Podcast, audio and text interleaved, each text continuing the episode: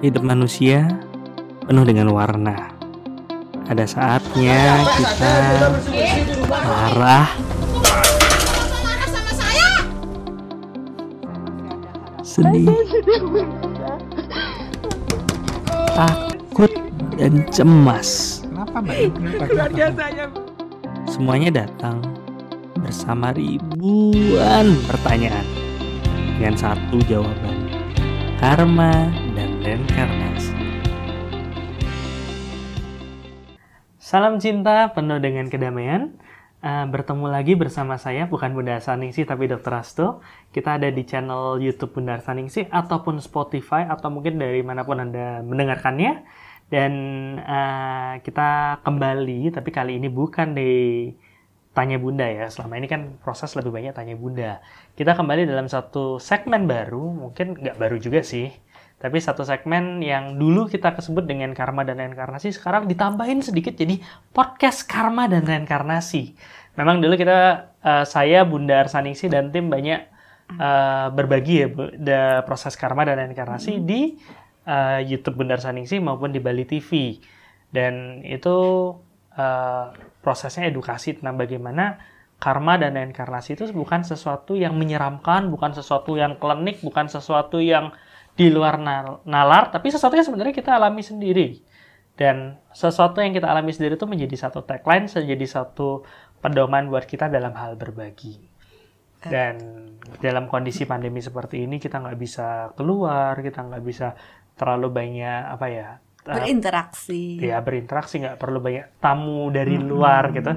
Akhirnya kita mulai melihat ke kasus-kasus yang ada di teman-teman di Soul Office ya. Ini kesempatan juga untuk melihat dan kenal lebih dekat hmm, orang-orang di balik YouTube Bunda sih. Ada loh Bunda yang nanya iya. apa e, pengen dong lihat siapa aja sih yang di balik layar nah gitu. Mm -hmm. Nah, jadi uh, tetap yang akan membahas ini bukan saya karena kalau saya membahas mungkin dengan pemahaman yang belum belum terlalu oh, belum sepenuhnya paham. Takutnya nanti dengan saya menjelaskan malah banyak yang tersesat. Jadi saya tetap saya kembalikan kepada ahlinya. Ahli vibrasi energi karma reinkarnasi. Apalagi Apa ya, ya? langsung ke Bunda Arsaningsi. Halo Bunda Arsaningsi. Bagaimana kabarnya? baik sehat ya. Oh, biasanya saya sehat saya oh, dan oh, iya, iya. Oh iya. Sepertinya Bunda agak grogi karena sudah lama kita nggak uh, syuting uh, ya, karma benar. Ini ini pembaharuan ya. Jadi sesuatu yang baru karena uh, kebutuhan masyarakat ingin uh, pembelajaran mengenai karma reinkarnasi tetap di diangkat ya. ya. Apalagi ya mungkin memang ada tanya bunda kan dokter Asto, tapi kan itu uh, secara pemahaman kita berikan, tapi tidak diiringi dengan orang-orang yang mengalami sendiri. Okay. Nah, yang itu yang membedakan antara tanya bunda dengan uh, sekarang kita buat podcast karma, karma dan, dan reinkarnasi. reinkarnasi. Iya, gitu. Iya, memang sih kalau misalnya uh, kadang-kadang ya nggak semua ya, cuman mm -mm. beberapa orang melihat, oh ini katanya bunda kok kayak muluk-muluk banget atau di awang-awang banget gitu. Oh, oh. Realnya gimana sih? Realnya gimana gitu. Nah sekarang kalau dengan seperti ini kita mendatangkan orang-orang yang memang memang mengalami. Mengalami. Ya, ya sehingga cerita mereka dapat menginspirasi banyak orang karena mereka dengan power mengalami ini kan pernah mengalami rasanya dan semuanya sehingga mereka bisa menceritakan hal itu dan membuat orang-orang itu oh iya ya. Ternyata seperti itu rasanya. Ikut me, bisa merasakan ya apa yang pernah dialami. Nah, itu adalah suatu kekuatan ketika seseorang sudah mengalami dan kemudian mereka sudah ada solusinya dan berbagi untuk banyak orang. Dibanding hanya sekedar teori-teori saja ya, gitu. Soalnya teori banyak banget ya. Banyak sekali. Kita kita lebih fokusnya ke proses yang emang aplikatif. Dan uh, mungkin ya ini satu segmen yang memang diperlukan untuk melengkapi tanya bunda uh, apa namanya meditasi meditasi online, online hari uh Rabu kalau misalnya ada yang penasaran bagaimana prosesnya mm -hmm. bisa lihat di YouTube-nya Bunda Saningsi. Terus ada juga kelas online langkah awal mengenal jati diri. Mm -hmm. Ini berhubungan juga sebenarnya sama itu ya. Yeah. Uh, terus ada kelas online soul parenting. Soul nah, parenting. ini eh, yang akan kita bahas kali ini akan berhubungan banget sama soul parenting dan sebenarnya satu pertanyaan yang udah di apa ya sudah diajukan berkali-kali. Iya, pertanyaan ini diajukan oleh uh, banyak orang ya, tidak hanya uh, apa namanya di soul parenting aja yang memang sudah fokus ngurusi hubungan orang tua dengan anak ya tapi juga ketika um, Mbak Iin ini apa ikut membantu kita di karma reinkarnasi itu juga sudah banyak orang gimana sih masalahnya kalau anak itu yang bermasalah itu bukan anak kandungnya gitu. Oke.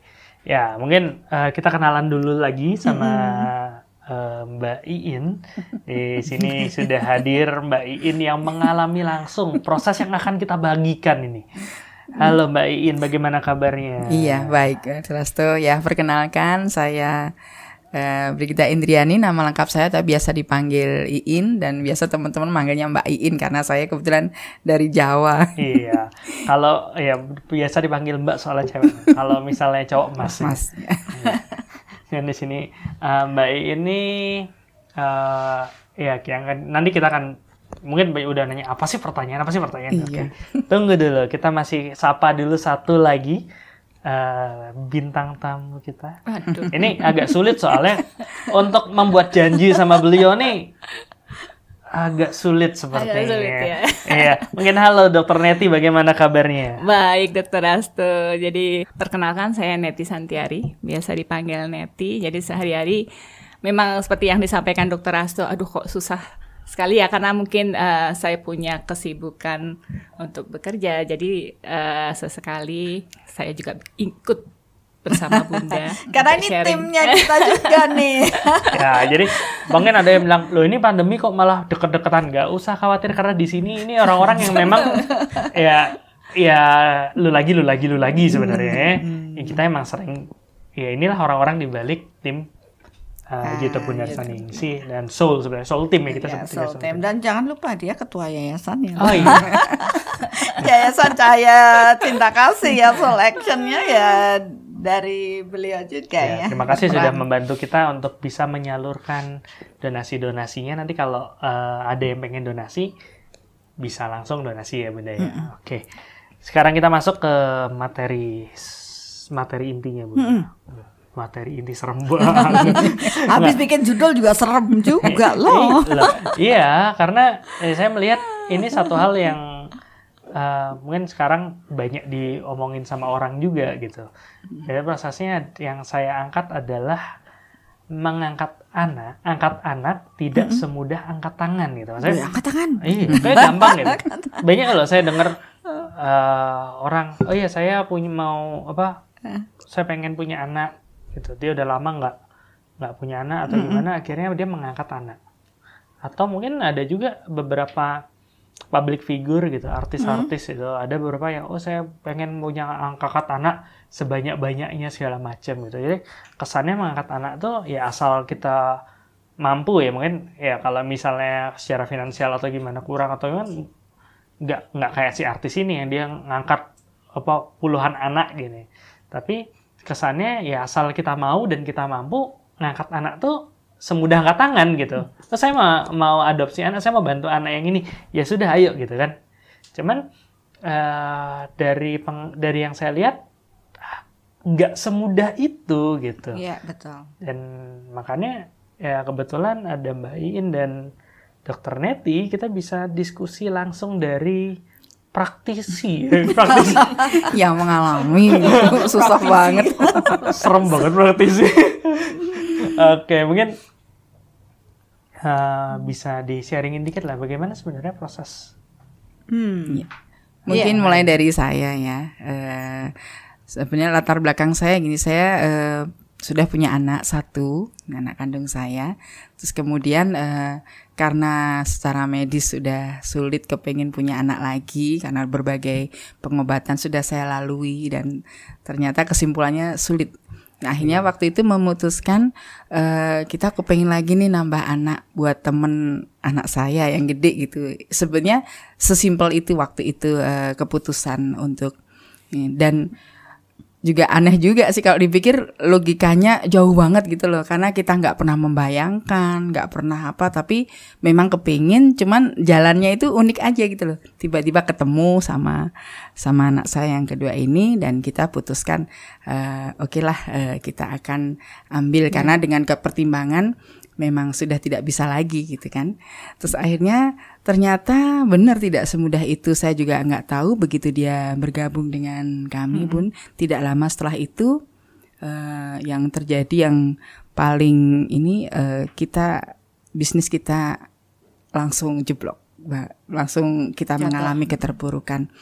Waktu itu kita nggak ber, berpikir itu, anu masa sih, uh, cuman juga agak sedih aja deh pas kamu dateng kok kami sedang mengalami seperti ini. Pasti kan namanya baru seneng-senengnya punya anak kan.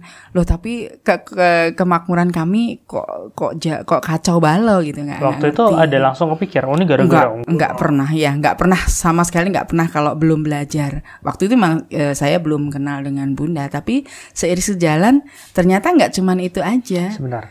Uh, ini sebelum sebelum lanjut nih kan kita uh, apa mungkin nanti ada yang nanya wah kasihan banget ngomongin oh, oh, si anak segala macam gitu. Tapi ini emang saat apa dari keluarga uh, Mbak In sudah setuju kan kalau oh, sudah, sudah sudah dari awal nih, memang dari memang awal. bukan sesuatu yang ditutupi atau seperti yeah, apa. Kan? Yeah. Kadang-kadang ada kan takutnya wah nanti jangan-jangan jangan-jangan gimana. Oke, okay, yang penting yang penting Itu udah sudah nih, dari udah. dari awal sudah jadi ini.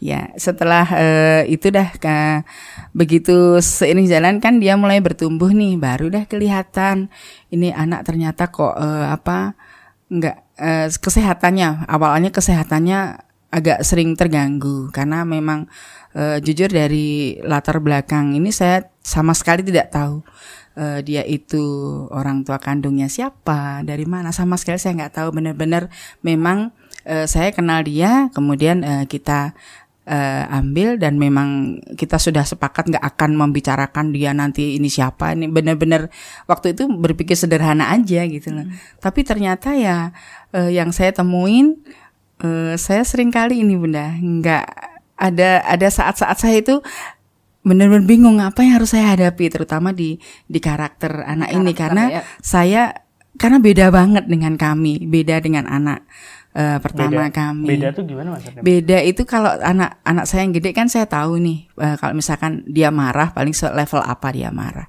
Kalau misalkan dia misalkan kepingin uh, apa saya tahu level mana dia pasti akan ada ada karakternya mirip lah dengan dengan saya sebagai ibunya. Tapi justru yang kedua ini ya kadang-kadang sering kita bingung jadi kadang-kadang sama suami sama anak saya yang gede ini cuma lihat-lihatan nih ini kenapa dia begini banyak banyak kasih surprise ya iya surprise-nya banyak dan uh, saya juga pernah dikasih tahu oleh uh, saudara saya yang kebetulan dia seorang psikolog um, nanti mbak jangan kaget ya kalau tiba-tiba hmm. ada karakter yang itu di luar di luar kebiasaan atau di luar DNA-nya saya. Waktu saya nggak ngerti waktu itu bunda hmm. kenapa, uh, tapi ternyata ya kadang-kadang sering sering nemu ternyata itu itu yang uh, apa saya nggak menduga bakalnya akan saya merasakan seperti jadi kadang-kadang bingung sendiri tapi kadang-kadang juga oh ya sudahlah tapi setelah belajar uh, bersama bunda jadi pasti nggak kebetulan kan saya ketemu dengan dia sampai dia harus menjadi anak saya pasti ada sesuatu meskipun saya masih terus belajar me memahaminya gitu. Oke, uh, nih nanti nanti kita bahas lebih dalam udah berkaca-kaca mbak Iya. ya, nanti kita bahas lebih dalam lagi. Kita sapa apa mungkin pengalaman ada juga nih, pengalaman satu dari Mbak Iin hmm. nanti kita bahas lebih dalam lagi ada pengalaman lain lagi kayaknya ini satu lagi. Nih satu lagi. Suruh cerita aja sendiri. Uh, iya. nah, saya saya menunggu kesadarannya untuk bercerita. ya, kalau untuk pengalaman uh, mengangkat anak, kebetulan uh, saya juga punya pengalaman dokter Asto. Jadi Uh, kebetulan sampai usia pernikahan 12 tahun, uh, memang saya dengan suami memang belum dikaruniai anak. Jadi seperti itu kita sudah berusaha, tapi memang uh, ada proses yang terjadi di antara kita berdua, uh, sehingga itu yang memang tidak memungkinkan kita untuk memiliki anak secara fisik. Nah, Kemudian uh, tiga tahun yang lalu, jadi saya cerita tiga tahun yang lalu tiba-tiba di, uh, saya dihadapkan pada keputusan uh, saya mengangkat anak. Kebetulan mengangkat anak dari adik bunda. Jadi yeah. adik adik kandung sendiri yang kebetulan adik kandung dia memiliki anak uh, lebih dari empat. Nah itu kebetulan uh, pada usia sekitar dua bulan uh, anak anak tersebut saya angkat anak Ya, jadi saya mengangkat anak dari keluarga sendiri. Jadi itu uh, awalnya memang sebelumnya pada tahun uh, kelima saya berusaha juga seperti uh, Mbak Iin ingin mengangkat anak dari orang luar, tetapi memang ya mengingat dari apa uh, pesan orang tua ya, pesan orang tua, aduh jangan dong lihat aja dulu nanti ada nggak keluarga. Ya akhirnya pesan itu juga kita turuti dan kita menunggu Kemudian akhirnya eh kok tiba-tiba 12 tahun pernikahan dikasih anak yang notabene aduh Tuhan ini apa kok tiba-tiba ada anak yang harus mungkin harus kita angkat dan bonus itu. Iya, kayak bonus bunda. Jadi saya cuman kita cuman bengong. Aduh Tuhan, ini memang mungkin harus uh, kita jalani. Kami mengangkat anak dan setelah proses mengangkat anak itu malah sesuatu hal berubah dalam hidup kami berdua. Oke, okay. ya pasti berubah dong. Pasti berubah ya tadinya, lebih ceria ya.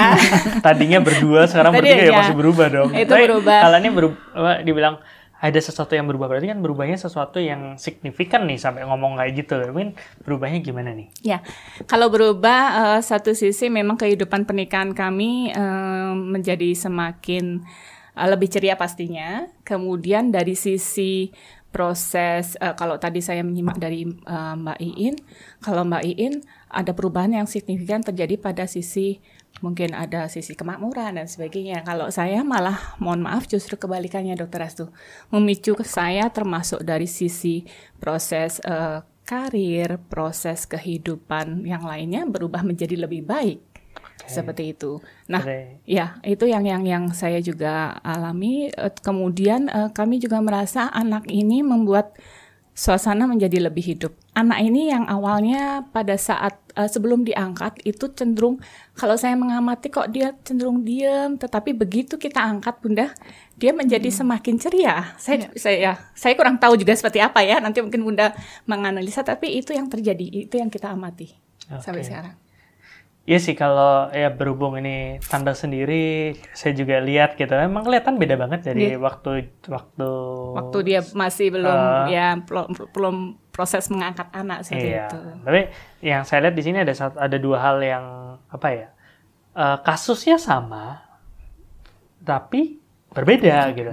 Sama-sama mengangkat anak, tapi yang satu begitu mengangkat anak langsung secara apa kemakmuran turun. Hmm. Yang satu mengangkat anak malah naik. Nah itu kok bisa beda seperti itu? Kalau saya tanya sama Mbak Iin atau tanya sama Dokter Neti, hmm, pasti jawabannya ya ya, ya nggak tahu gitu. Tahu ya. Makanya kita tanya pada yang pakarnya. Pakarnya. kita langsung ke tanya Bunda Arsa nih. Bukan tanya Bunda ini. Karma dan, dan reinkarnasi. Jadi tanya Bunda tentang karma dan reinkarnasi. Ya udah nyampur lah semua di sini. Hmm. Iya, ini ini sesuatu yang mungkin menjadi pertanyaan banyak orang ya. Iya, benar. kalau misalnya memang ini jadi pertanyaan Bapak Ibu, jangan lupa like. Dan kalau bermanfaat nanti jangan lupa share. Kalau emang senang subscribe. Ya, benar. kalau misalnya memang ini jadi pertanyaan Bapak Ibu, jangan lupa like. Dan kalau bermanfaat nanti jangan lupa share. Kalau emang senang subscribe. Oke, lanjut udah. Iklan dikit lah. itu udah ada selingan indah di situ.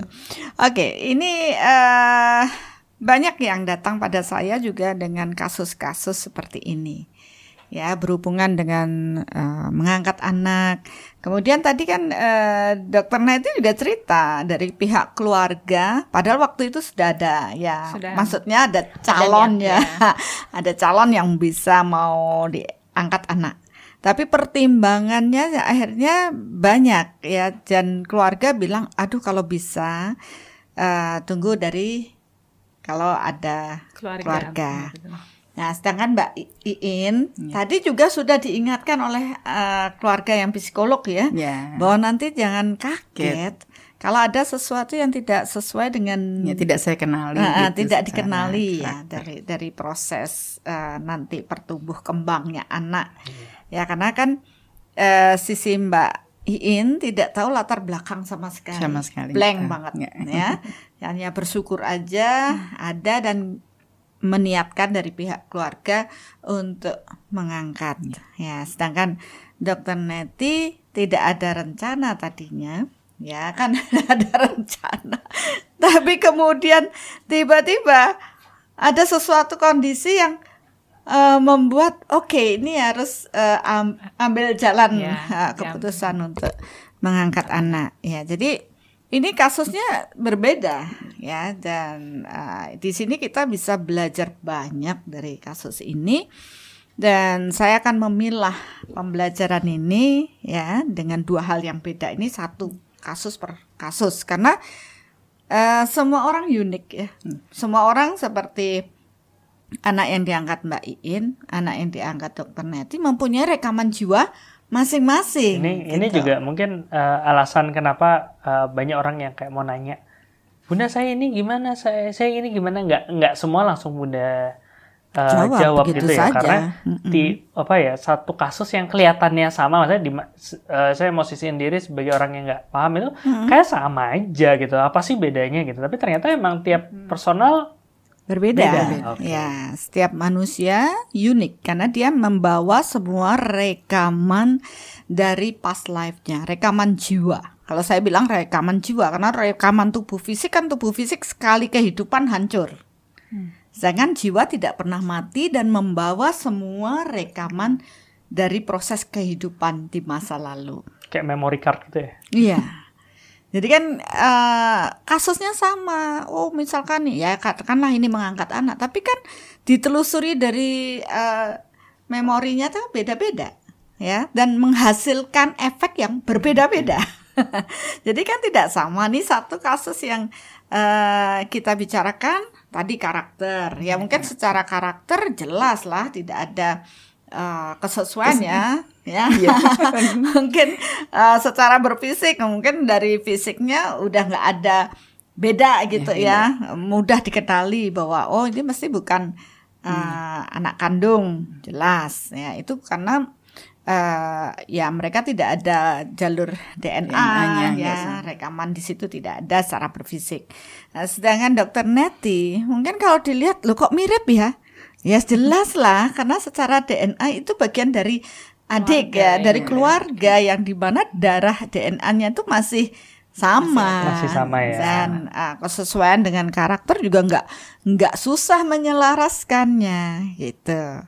Nah, secara jiwa, nah ini ini yang yang Jiwa sudah menurut- pasti berbeda kan. sudah pasti berbeda. Ya, kalau menurut kita eh, saya tadi lihat kalau secara ini eh, seorang mengangkat anak yang di luar dari keluarga menganggap bahwa oh, anak ini saya angkat jiwanya sudah jelas lah ya, tidak di- dikenal sama sekali secara berfisik. Ini sebenarnya nyambung ke apa pembahasannya Bunda di tanya Bunda episode awal-awal ya. Pertama kalau nggak salah yang ngomong tentang apa jiwa tuh masuk ke dalam Ya. apa ke dalam seorang ibu pada saat usia sekian lama yang tergantung dari karakter si ibu itu sendiri pada saat itu. betul ya, benar. Jadi karena kalau misalnya dia ini adalah soal kita nggak tahu sama sekali ya, yang yang datang jiwa yang masuk pun nggak akan sesuai dengan Mbak Iin Ya, sendiri Mbak seperti itu. sendiri. Ya, karena ya, apalagi ibunya kan nggak kenal nih kondisi pada waktu ibu bagaimana itu kan tidak tidak dikenali. Tapi kalau saya lihat secara ini kayak perbedaan secara berfisik. Kalau kita ambil perbedaan secara energi, secara jiwa, ya.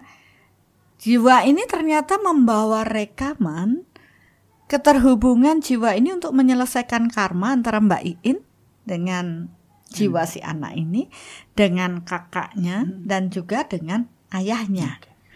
Gitu. Jadi sebenarnya nggak random ya, maksudnya nggak ah, mungkin orang mikirnya eh, ini kan apa kita nggak kenal dia siapa segala macam join dalam satu kelu- apa masuk dalam keluarganya mbak. Itu nggak nggak random ya? Nggak nggak acak, Acak. gitu ya? Ah. jadi memang dia sebenarnya punya kesesuaian Iya, Karma. kalau dilihat ada kesesuaian karma di situ. Kalau ditelusuri ada benang merahnya kenapa mereka dipertemukan.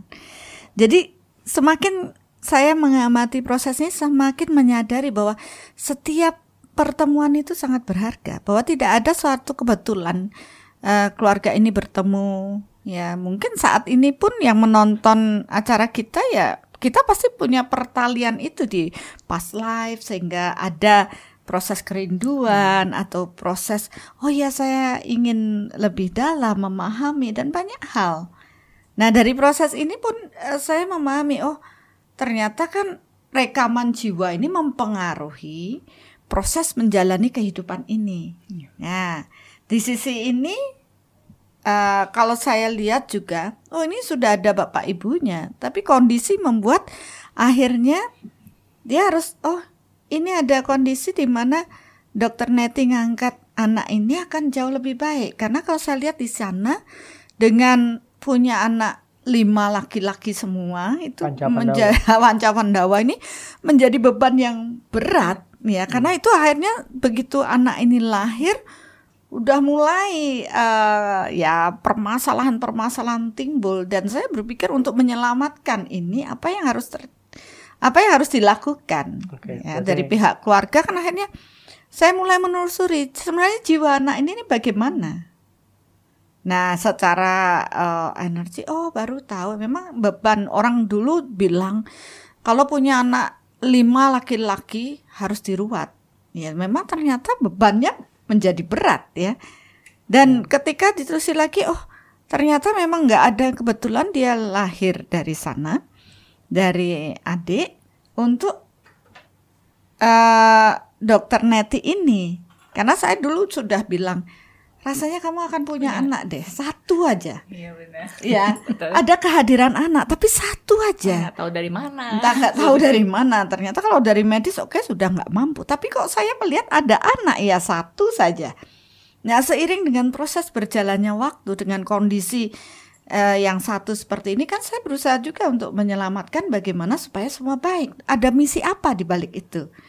Ternyata karma-karma inilah yang membuat ya dengan proses eh, terpuruk ini begitu dia diangkat oleh dokter Neti ini terjadi penyelarasan lagi secara penyelesaian karma. Jadi, penyelarasan secara penyelesaian karma ya, karena dia membawa karma buruk untuk keluarga ini. Ya. Tapi dia harus terlahir dengan misi jiwa di kehidupan saat ini. Ya, ternyata kalau dilihat jiwa anak ini kan punya sesuatu yang khusus, yang punya misi jiwa dan dengan power karma kelompok keluarga uh, ayah ibunya ini ternyata tidak mampu me, apa ya me- Menopang. menopang, Menopang daripada secara- apa yang dibawa oleh anak ini. Keberatan lah istilahnya. Akhirnya dibutuhkan keluarga yang mampu secara energi mengangkat ya menyelaraskan dengan kondisi jiwa si anak ini ya.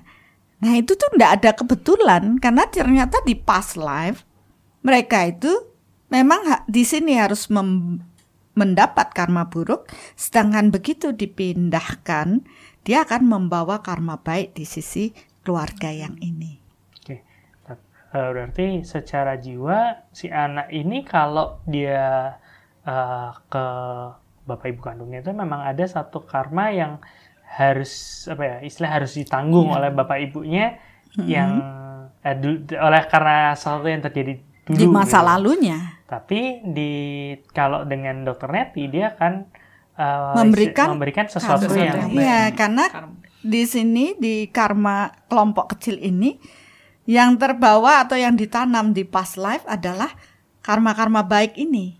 Sehingga begitu dia dipindahkan di keluarga ini, dia menjadi ceria. Karena energi kedua orang tuanya mampu menopang. Energinya dia yang yang mungkin di sini terlalu kuat ya sedangkan orang tuanya tidak mampu menopangnya sehingga permasalahan itu muncul. Begitu dia diselaraskan di level energi yang mencukupi, di situlah dia bertumbuh. Tidak hanya bertumbuh untuk anak ini juga, tapi bertumbuh untuk uh, orang tua barunya ini. Jadi ini Gitu. unik ya kalau kalau dokter Neti si anak ini uh, dia memang istilahnya dia memberikan satu hal yang buruk kepada keluarga apa Aslinya. kandungnya, tetapi begitu Gitu nyampe ke apa ke keluarga dokter Neti dia memberi sesuatu yang baik, sedangkan di Bayin Mm. begitu nyampe ke Bayin itu Mm-mm.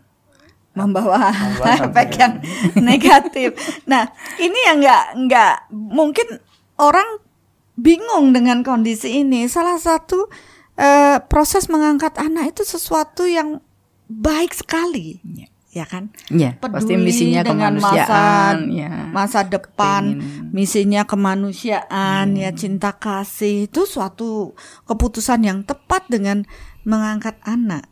dari sudut pandang dari sudut pandang Satu sudut pandang. sudut Hmm. pandang.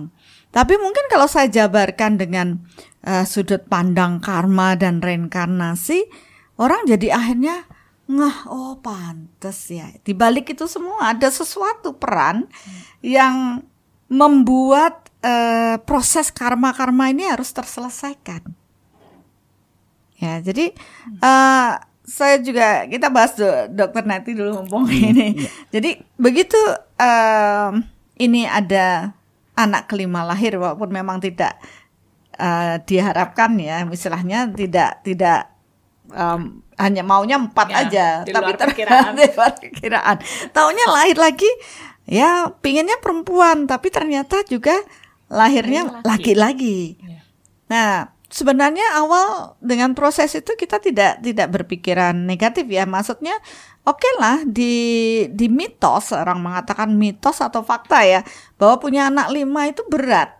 Ya, kita tidak pernah berpikir itu. Kita bersyukur dengan proses ini. Tapi begitu satu bulan anak itu mulai kesehatannya menurun, kemudian masalah muncul, masalah muncul, kita mulai aware ada apa gitu. Mulai me- me- ya tentu proses mencari kan, kenapa begini? Nah di situlah kemudian muncul oh iya ternyata beban berat ini kalau di di sini ada hutang karma yang harus terselesaikan dan masalahnya anak ini mempunyai eh, sesuatu yang ya kelebihan khusus saya katakan di mana orang tuanya tidak mampu di situ untuk menjaganya. Sehingga dalam proses itu saya mencari lagi bagaimana ini sebenarnya solusinya? Oh ternyata ya ada pada dokter Neti dan ini suami yang memang membutuhkan menginginkan dari awal. Kemudian eh, ya kalau masalah yang saya lihat dulu punya anak satu tapi saya nggak tahu dari mana dengan proses yang sudah dialami. Tapi kita ya santai aja ya sudahlah. Eh tahunya dengan kasus ini kan mulai membuka lagi. Apa ya hubungannya? Ternyata anak ini dengan ya diberikan kebutuhan eh, kelebihan ini ternyata akan menjadi lebih baik kalau dokter Nenti dan suami yang mengampu ya me, me- me- apa ya mengembalikan mengambil anak itu Mengambil. sebagai anak. Nah ternyata memang kalau kita lihat sekarang, oh dia menjadi aman kalau sudah digendong. Karena power dia menjadi aman dari semua hal-hal yang tidak nyaman dan memang kalau ditelusuri di di past life-nya, ya memang mereka berkarma sangat sangat dekat sehingga proses kelahiran saat ini misi jiwa. Karena di sini tidak bisa uh, terlahirkan ya dia akan mencari bagaimana jalan ya, jalannya Bunda, ya. proses perjalannya hingga sampai di sini. itulah di, di luar kendali manusia. Kalau Tuhan sudah berkehendak ada aja jalan untuk proses ini. Dan itu bagi saya saya bilang itu bonus ya sesuatu yang Tuhan berikan kepada dokter Neti dari upayanya dengan usahanya bersabar dan semuanya pasti ada ada ya katakanlah Tuhan pasti memberikan jalan Jadi memang apa ya jalan Tuhan tuh kadang-kadang nggak nggak sesuai dengan Ya, terduga. yang diinginkan manusia. ya dan kebetulan memang itu sudah terukur di awal ya di awal jadi proses awal ini dah me, apa yang dialami dokter Neti kan sudah terukur jadi kita sudah terukur kualitas jiwanya bagaimana. Kita sudah terukur kalau seandainya ini di, tetap di keluarga ini permasalahannya akan bagaimana. Kalau dipindahkan ke sini oh masalahnya akan gini. Itu nilainya bagus semua. Kemakmuran kesehatan semuanya akan baik. Semua sampai saya berpikir gini kalau pengukuran dengan solmeter ini benar, berarti berapa tahun kemudian dia akan tetap baik di sini. Dan ternyata semua ya sampai tiga tahun hmm. berjalan ini malah lebih bagus terus. Hmm. Dan anak ini pun sehat gitu loh. Hmm. Yang awalnya, aduh saya sampai sedih melihatnya. Terus saya berpikir, aduh gimana anak ini. Tapi begitu diniatkan proses oke okay, saya yang uh, menyelesaikan proses karma dengan ini, ternyata semua berubah. Ya, Nah, dari sinilah pengalaman ini semua terukur dengan baik dan memang itulah kenyataannya. Nah, sedangkan dalam proses um, Mbak Iin, hmm. ini kan sudah berjalan berapa tahun ya, Mbak? Ya, ya, ya sebelum sudah, ketemu Bunda udah sebelum udah udah kami udah ngalamin. Masih kecil ya SD, ya, masih eh TK, TK, TK, TK, ya TK. Dan saya lihat saya lihat anak ini kan sakit aja ya saya kalau ingat dia saya ter terus sakit hmm. ini anak kok sakit terus tapi waktu itu saya belum tahu yeah. kalau uh, dia adalah anak, angkat anak. ya. Setelah kasus itu berjalan saya melihat kok ada yang aneh anak ini ya tidak seperti saya lihat ya, aura ya. ibu. Lah kok sama anak? Lo kok beda nih? Jomplang banget istilahnya. Terlihat sekali perbedaannya Nah, kemudian uh, mulai terbuka, yeah. mulai akhirnya mencari upaya apa ternyata. Dan dari situ pun saya mulai mengamati, memberikan perhatian lebih ya, terus menelusuri ternyata oh iya pantas dah uh, karakter anak ini berbeda ya.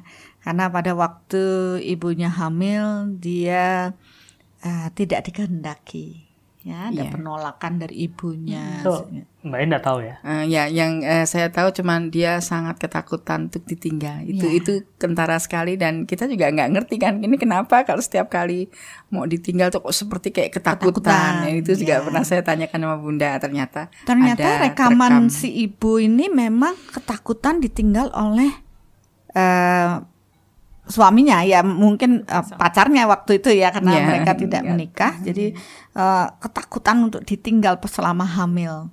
Dan akhirnya mungkin keputusannya oke okay, uh, anak ini akan diserahkan ya ke panti asuhan lain. orang lain.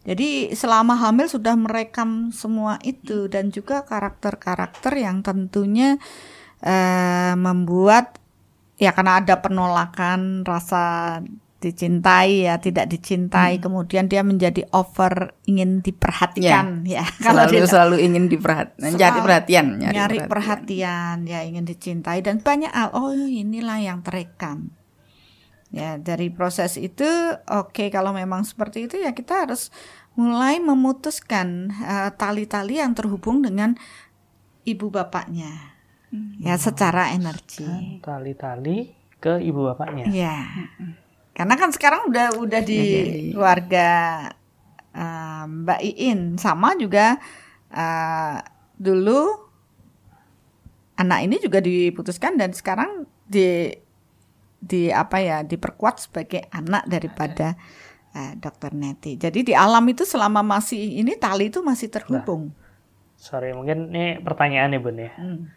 Berarti proses oh ini mengangkat anak itu bukan yang penting tanda tangan Bukan. Tanda oh. tangan surat ya. Oh, surat adopsi. saya, saya ini kan apa ya, ya apa yang uh, awam masalah ini nggak pernah nggak pernah pengalaman atau gimana. Cuman ya yang pikir, oh yang penting secara legal tanda tangan atau gimana itu ada hmm. ada seperti itu nggak sih? ya, ya ada, mungkin, nah, jelas. Kirain itu yang yang menentukan bahwa oh ini sudah diadop atau gimana hmm. ternyata secara energi, dari sudut pandang energi berbeda. Ya, sudut pandang energi kan ini tidak hanya sekedar itu kan baru secara berfisik ya. Secara energi begitu anak itu terlahirkan ada tali yang terhubung antara anak dengan ibunya. Nah, ini kan juga uh, punya ibu masing-masing ya. Maka pertalian energi ini diputuskan bukan berarti tidak bakti pada ibu, bukan seperti itu. Karena kalau si ibu ini terus dengan pola pikir yang mungkin negatif karena di sisi ini kan negatif nih. Ya. Dia akan terus mensuplai energi itu ke anak. Iya. Dan mempengaruhi karakter anak tersebut ya karena antara ibu dan anak ini ada ada tali batin yang kuat. Nah begitu kita putuskan uh, kita melihat perkembangan perkembangan yang cukup uh, bagus waktu itu adalah kesehatan ya mbak. Ya, yeah, yang pertama yeah. kali sudah jauh lebih sehat daripada sebelum. Signifikan sebelum, banget mbak. Signifikan pak. Dari uh, saya waktu sebelum kenal bunda kan waktu itu saya belum cerita dengan bunda tentang siapa anak saya. Nah, tapi ya sakit. Tapi kan tetap namanya seorang ibu kan pasti mengeluh ya aduh anak saya sakit terus nih kenapa bunda? Nanya itu.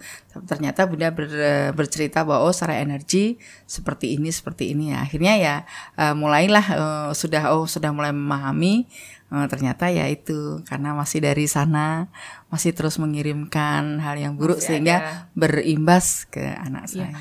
Oh, sudah oh sudah mulai memahami uh, ternyata ya itu karena masih dari sana masih terus mengirimkan hal yang buruk masih sehingga ada. berimbas ke anak ya. saya. Mungkin ini juga saya ingin sharing karena pada saat proses saya mengangkat anak gitu, Mbak Iin, memang proses secara energi juga kita lakukan kebetulan dibantu dengan Bunda.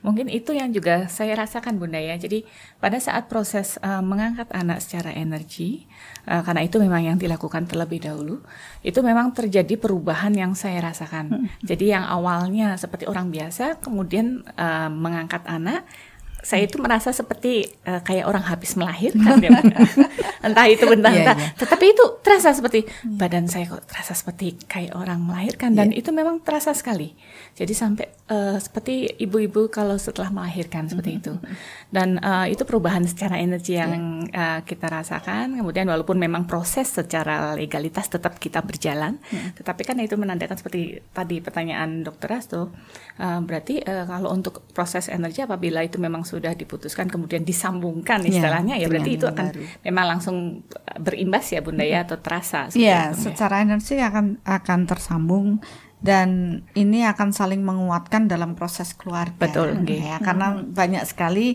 kasus-kasus setelah dia mengangkat anak terus hmm. sudah dewasa terus malah hmm. ambiar. Yeah. ya, ya. karena per, apa keterikatan uh, bukan keterikatan ya pengikatan secara batiniah itu tidak uh, terjadi. Hmm. Kalau ini kan uh, sudah dalam terkondisi dan semua terukur dengan energi Oh, itu sudah bagus. Begitu juga kondisi ya. anak sekarang kan jauh lebih bagus. Jauh.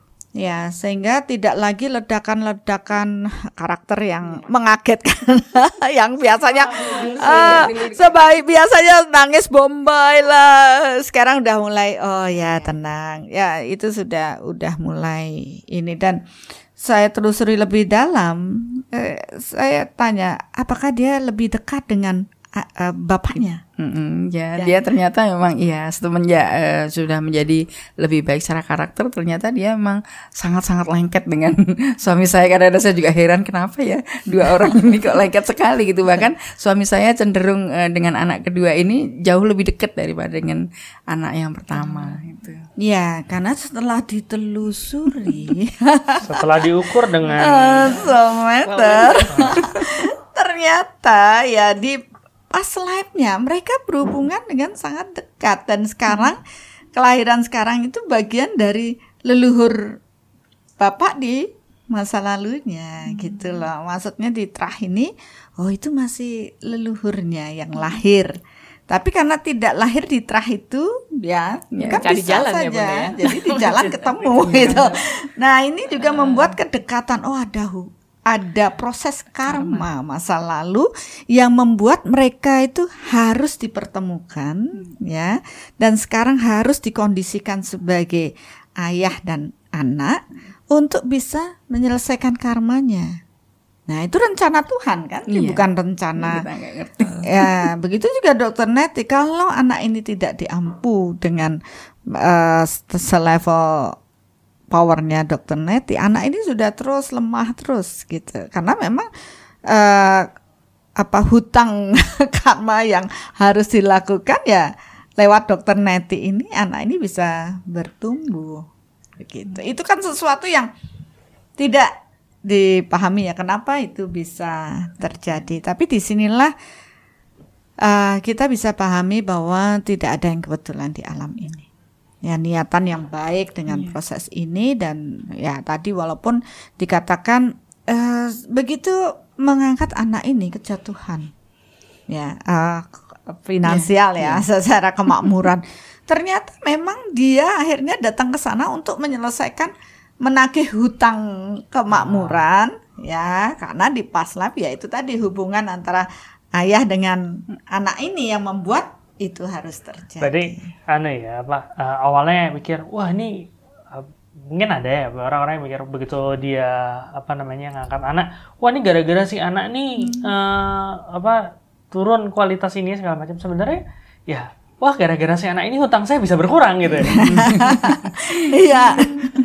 maksudnya ya orang nggak apa nggak tahu apa ya inilah kadang-kadang dengan kita dengan pengetahuan kita yang terbatas kita cuma ngelihat kondisi saat ini aja cuman iya. oh ya setelah ini secara uh, perekonomian turun gitu. Padahal sebenarnya itu adalah itu penyelesaian penyelesaian karma. penyelesaian karma. Iya dan dan ya kalau ini kan sudah terjadi baru iya. kita mencari dan mengukurnya. Kalau ini kan lebih hati-hati karena memang uh, kita sudah sudah uh, paham ya bahwa tidak semudah mengangkat tangan untuk mengangkat anak gitu loh. Kalau ini kan demi kemanusiaan aja. Kalau yeah. ini kan sudah kita sudah dalam kondisi yang oh sudah paham sehingga semua terukur dulu sebelum mengambil suatu keputusan. keputusan. Nah, di sini pun saya belajar. Akhirnya kan banyak orang yang Uh, sebenarnya saya bisa mengambil kondisi ini karena sebelumnya saya banyak kasus di mana orang mengangkat anak dengan kasus-kasus yang seperti itu. Pembayaran hutang di balik semua itu karma-karma yang terjadi. Jadi ada beberapa kasus ya, oh saya pantas ya saya bisa ambil anak gini karena kita ukurkan gitu loh. Dan pengukurannya memang memang seperti itu. Hmm proses penyelesaian karma. Oh ini berkarma dengan ini. Jadi tanpa disadari jalan Tuhan mempertemukan dan membuat anak itu harus seperti uh, itu. Seperti itu. Nah kalau kita sekarang saya rasa dengan metode soul matter ini kita bisa lebih bijaksana dalam mengambil keputusan. Bukan berarti kita tidak menyelesaikan hutang karma, tetap kita paham. Oh, ini kalau saya ambil keputusan ini, ini A, B, C, D akan terjadi dan kita sudah siap gitu. Jadi ini ya, uh, soalnya kan ada juga yang bilang, "Oh, kalau kayak gitu kan kita kayak me, apa ya, kayak menghindar. Menghindari karma karma ya, enggak ya kan. Ya, bahkan ada beberapa ya seperti akhirnya Mbak ini ya saya ajak penyelesaian karma.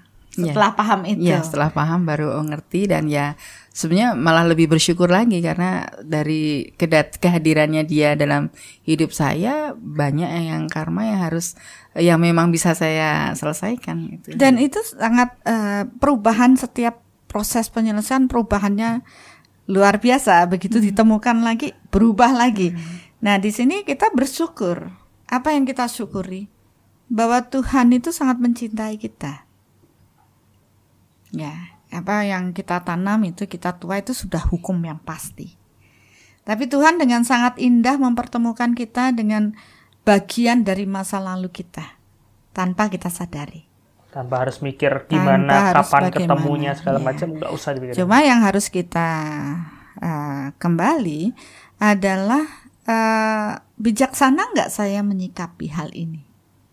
Apakah? menerima ya. Kemudian menyadari bertoleransi dengan anak ini kemudian memberikan yang terbaik karena ini sudah keputusan saya. Dan ini bukan suatu yang kebetulan maka selesaikan ayo. Proses penyelesaian karma yang baik nah ini akhirnya membuat uh, kualitas hidup menjadi lebih baik ya. Dalam keluarga sudah mulai yeah. kebaikan muncul Nah, di sini juga bahagia juga yang biasanya sepi rumahnya sekarang rame. Rame ya kan seperti itu. Dan tidak ada ya kalau ini kan paham adik juga tidak ada masalah karena ya setiap hari juga ketemu. Ya, semua dalam kondisi yang membahagiakan. Ya, itu satu apa ya, ya terima kasih banget nih dari Mbak Iin dan Dokter Neti mau berbagi karena kan seperti kata Bunda satu orang berbagi di sini dua sih. Cuman satu orang berbagi yang belajar banyak. ya itu apa jadi kita bisa mulai menyikapi. Karena uh, seperti uh, Mbak Iin dulu punya hutang banyak banget sama uh, si anak ini. Sekarang datang dia nagih utang. Cuman kadang-kadang kita nggak tahu kalau kita punya banyak hutang, kita hmm. malah marah, malah menyalahkan, menyalahkan cenderung ya. bukannya hutangnya berkurang, nambah. nambah. ya mungkin seperti itu ya Bunda ya. ya mungkin untuk apa uh, sudah dapat gambaran seperti apa sih proses bahwa mengangkat anak itu nggak semudah mengangkat tangan. Hmm, Ada banyak proses yang harus diperhatikan. Apakah hmm uh, proses secara karmanya seperti apa, proses secara uh, kesesuaian hmm. lingkungannya seperti apa. Mungkin seperti itu ya Bunda ya? Iya betul, karena mengangkat anak itu kan uh, prosesnya bertumbuh ya. Hmm. Waktu kecil yang diangkat itu masih bayi, dia belum tahu besok jadi gedenya kayak apa, hmm. teong gitu.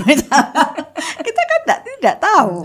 Nah di sinilah sebenarnya keikhlasan, penerimaan dan juga uh, niat untuk terus memberikan cinta, ya perhatian itu yang dibutuhkan. Karena ada dengan proses cinta ini kita menyelesaikan hutang karma kita. Jadi apa pun itu, apa pun yang sudah terjadi ya. Kadang kan ada yang terus ini anak saya kok keras kepala apa karena dia begini begitu. Saya hanya mengatakan cukup cintai dia, penuhi mereka dengan cinta. Cinta. Ya. ya itu pembelajaran memenuhi anak dengan cinta itu ya ada di soul parenting gitu. Oke, okay.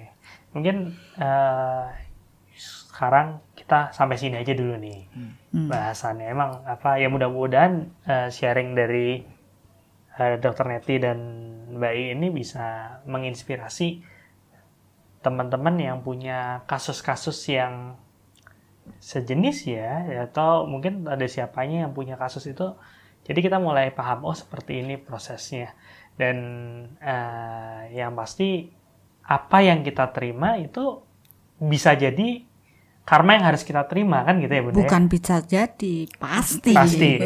Apa yang kita terima pasti adalah sesuatu yang kita apa yang kita lakukan sebelumnya. Hmm. Tapi bagaimana kita bereaksi bisa jadi, jadi membentuk karma baru. Nah, setuju. Itu, setuju. Jadi, jadi harus dengan bijaksana untuk menyikapi.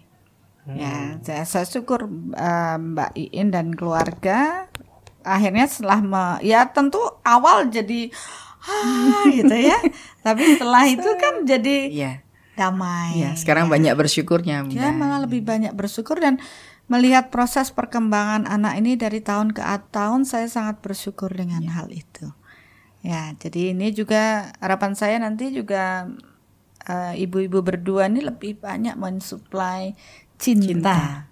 Ya, kalau ini kan uh, ya walaupun bukan ibu kandung, tapi kan tetap kualitas cinta yang kita pancarkan bahkan bisa lebih baik daripada ibu kandungnya hmm. kalau mereka belum paham. Tergantung yang di dalam diri banyak apa. Kalau iya, banyak cinta bisa ngirim cinta banyak. Kalau banyak marah, nah, ya marah dikirim. Kalau banyak uang, uang nah. dikirim. ya begitulah. Jadi uh, terima kasih lagi terima kasih yang sudah mau sharing. Terima kasih Bunda yang sudah mau memberikan sudut pandang baru yang bisa kita gunakan untuk proses perenungan dan belajar bersama. Dan terima kasih untuk semua yang masih menyimak sampai saat ini dan bisa uh, harapannya ini bisa menjadi suatu proses pembelajaran, wawasan baru dan uh, kita akan terus bertumbuh bersama. Jadi mari bertumbuh bersama. Kita ada kata-kata, bukan saya mau bilang kata-kata terakhir, bukan kata-kata penutup mungkin dari Mbak In. Iya, kalau dari saya uh, apa pun yang kita hadapi, apa pun yang kita terima, yang hal yang pertama yang harus kita cari temukan dulu rasa syukur, maka kita akan bisa mencintai orang lain itu seperti kita mencintai diri kita sendiri. Luar biasa tuh dari hati banget gitu ya. Dokter Neti mungkin ya. Oke, okay. mungkin kalau saya sharing bagi teman eh, teman-teman yang mungkin punya pengalaman yang sama Jadi kita tidak perlu putus asa. Jadi uh, tetap kita optimis, kita ya yakin bahwa rencana Tuhan itu luar biasa buat kita. Jadi apabila kita yakin, percaya dan ikhlas, pasti semua pasti akan ada jalannya. Dari Bunda? Iya, kalau saya melihat ini mungkin uh, berhubungan dengan karena yang kita bahas adalah hubungan dengan karma dan reinkarnasi. Mengangkat anak tidak semudah mengangkat telapak tangan. Um, saya sangat menghargai keputusan Bapak Ibu untuk mengangkat anak karena mereka membutuhkan kita kita semua untuk mencintai mereka. Jadi Jangan uh, menyia-nyiakan kesempatan ketika mereka hadir sebagai anggota baru dalam keluarga kita. Penuhi mereka dengan cinta, karena itulah saat kita bisa menyelesaikan karma dengan mereka. Luar biasa sekali. Kalau dari saya, ingat like, subscribe, share, dan sampai ketemu di episode berikutnya podcast Karma dan Reinkarnasi. Terima kasih. Terima kasih.